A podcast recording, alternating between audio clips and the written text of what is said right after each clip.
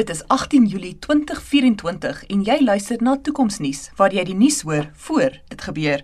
Ek is Jonita Foster en hier volg vandag se hoofberig.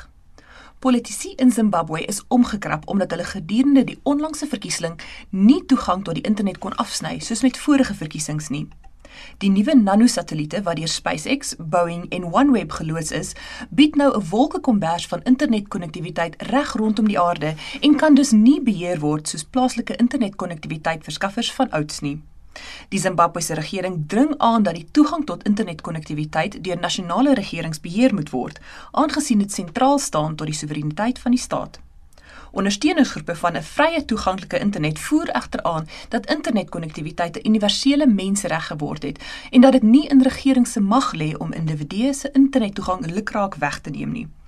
Tegnologie strateeg Pieter Geldenhuys is saam met my in die ateljee om vir ons meer insig te verskaf. Welkom Pieter. Hallo Junita. Kom ons begin by die begin. Wat is nanosatelliete en hoe verskil dit van tradisionele kommunikasiesatelliete wat deur nasionale regerings beheer kon word? Unita die tradisionele kommunikasiesatelliete is satelliete wat 36.500 km van ons af is. Alles val rondom die aarde, maar hierdie satelliete val teen dieselfde spoed as wat die aarde beweeg en daarom lyk dit asof dit dan op dieselfde plek bly. Geostasionêre satelliete. Die probleem is dat kommunikasie met hierdie satelliete geweldig moeilik is. Jy het baie groot skottels nodig. Dit vat baie lank vir die sein om soontoe en terug te kom en jy gaan 'n baie baie sterk selfoon moet hê om 36000 km ver met 'n satelliet te praat. Wat die nanosatelliete egter doen, is dat dit klein satelliete is, baie kleiner. Hier is nie die massiewe groot satelliete wat duisende kilometer ver gaan nie, maar 'n satelliet van omtrent um 'n halwe meter groot. So hierdie satelliet en ons praat van baie van hulle. Sekere van die maatskappye soos SpaceX praat van 4000 van hulle. Boeing wil 3000 van hulle in die lug opsit. OneWeb praat van so 800 satelliete.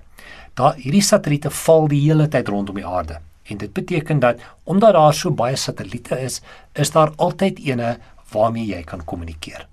Nou die tradisionele uh, elemente wat jy nodig het is um, om uh, toestel by jou huis te hê wat dan kan kommunikeer met die satelliete en ons begin sien dat 'n nuwe generasie selfone inkom wat ook direk met hierdie satelliete kan kommunikeer.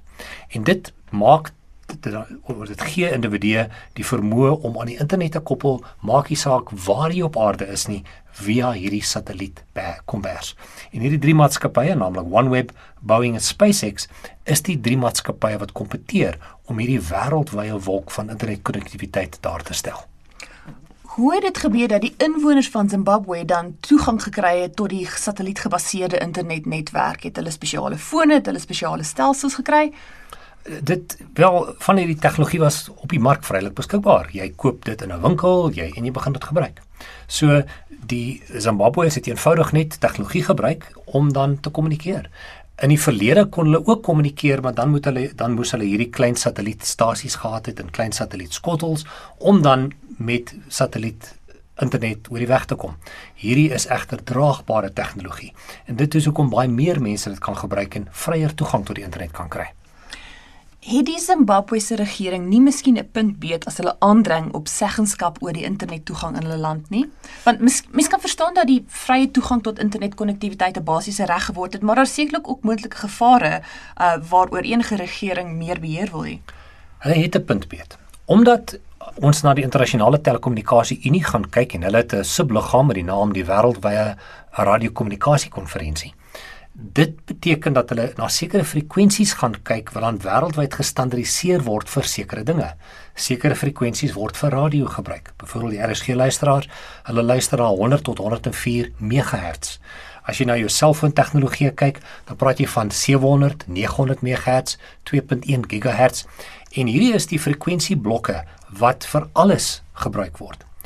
Die internasionale telekommunikasie Unie wat 'n subliggaam is van die Verenigde Volke, het dan die gee dan die reg vir die bestuur van hierdie frekwensies aan nasionale liggame oor.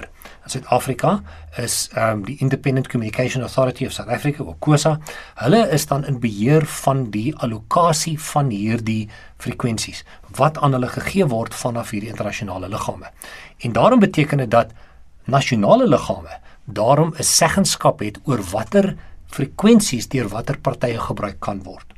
Nou, wat baie interessant is, van die nanosatelliete is dat die internasionale telekommunikasie Unie wel hierdie frekwensies beskikbaar gestel het vir die gebruik van dit met die aanname dat dat lande vir hulle burgers die toegang te sou gee daartoe.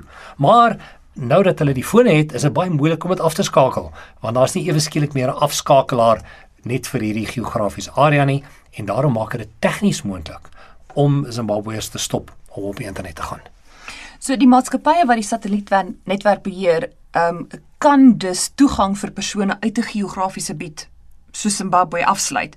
Verdink jy is die waarskynlikheid dat dit sal gebeur? Kom ons kyk waar die maatskappye is. Almal is in Amerika en daar's 'n veral op die op die uh, Weskus van Amerika sien ons hierdie baie groot beweging van van menseregte, maar ook vrye kommunikasie tussen mense.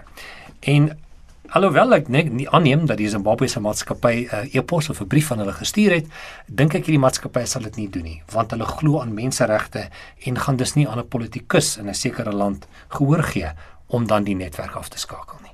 Dankie Pieter.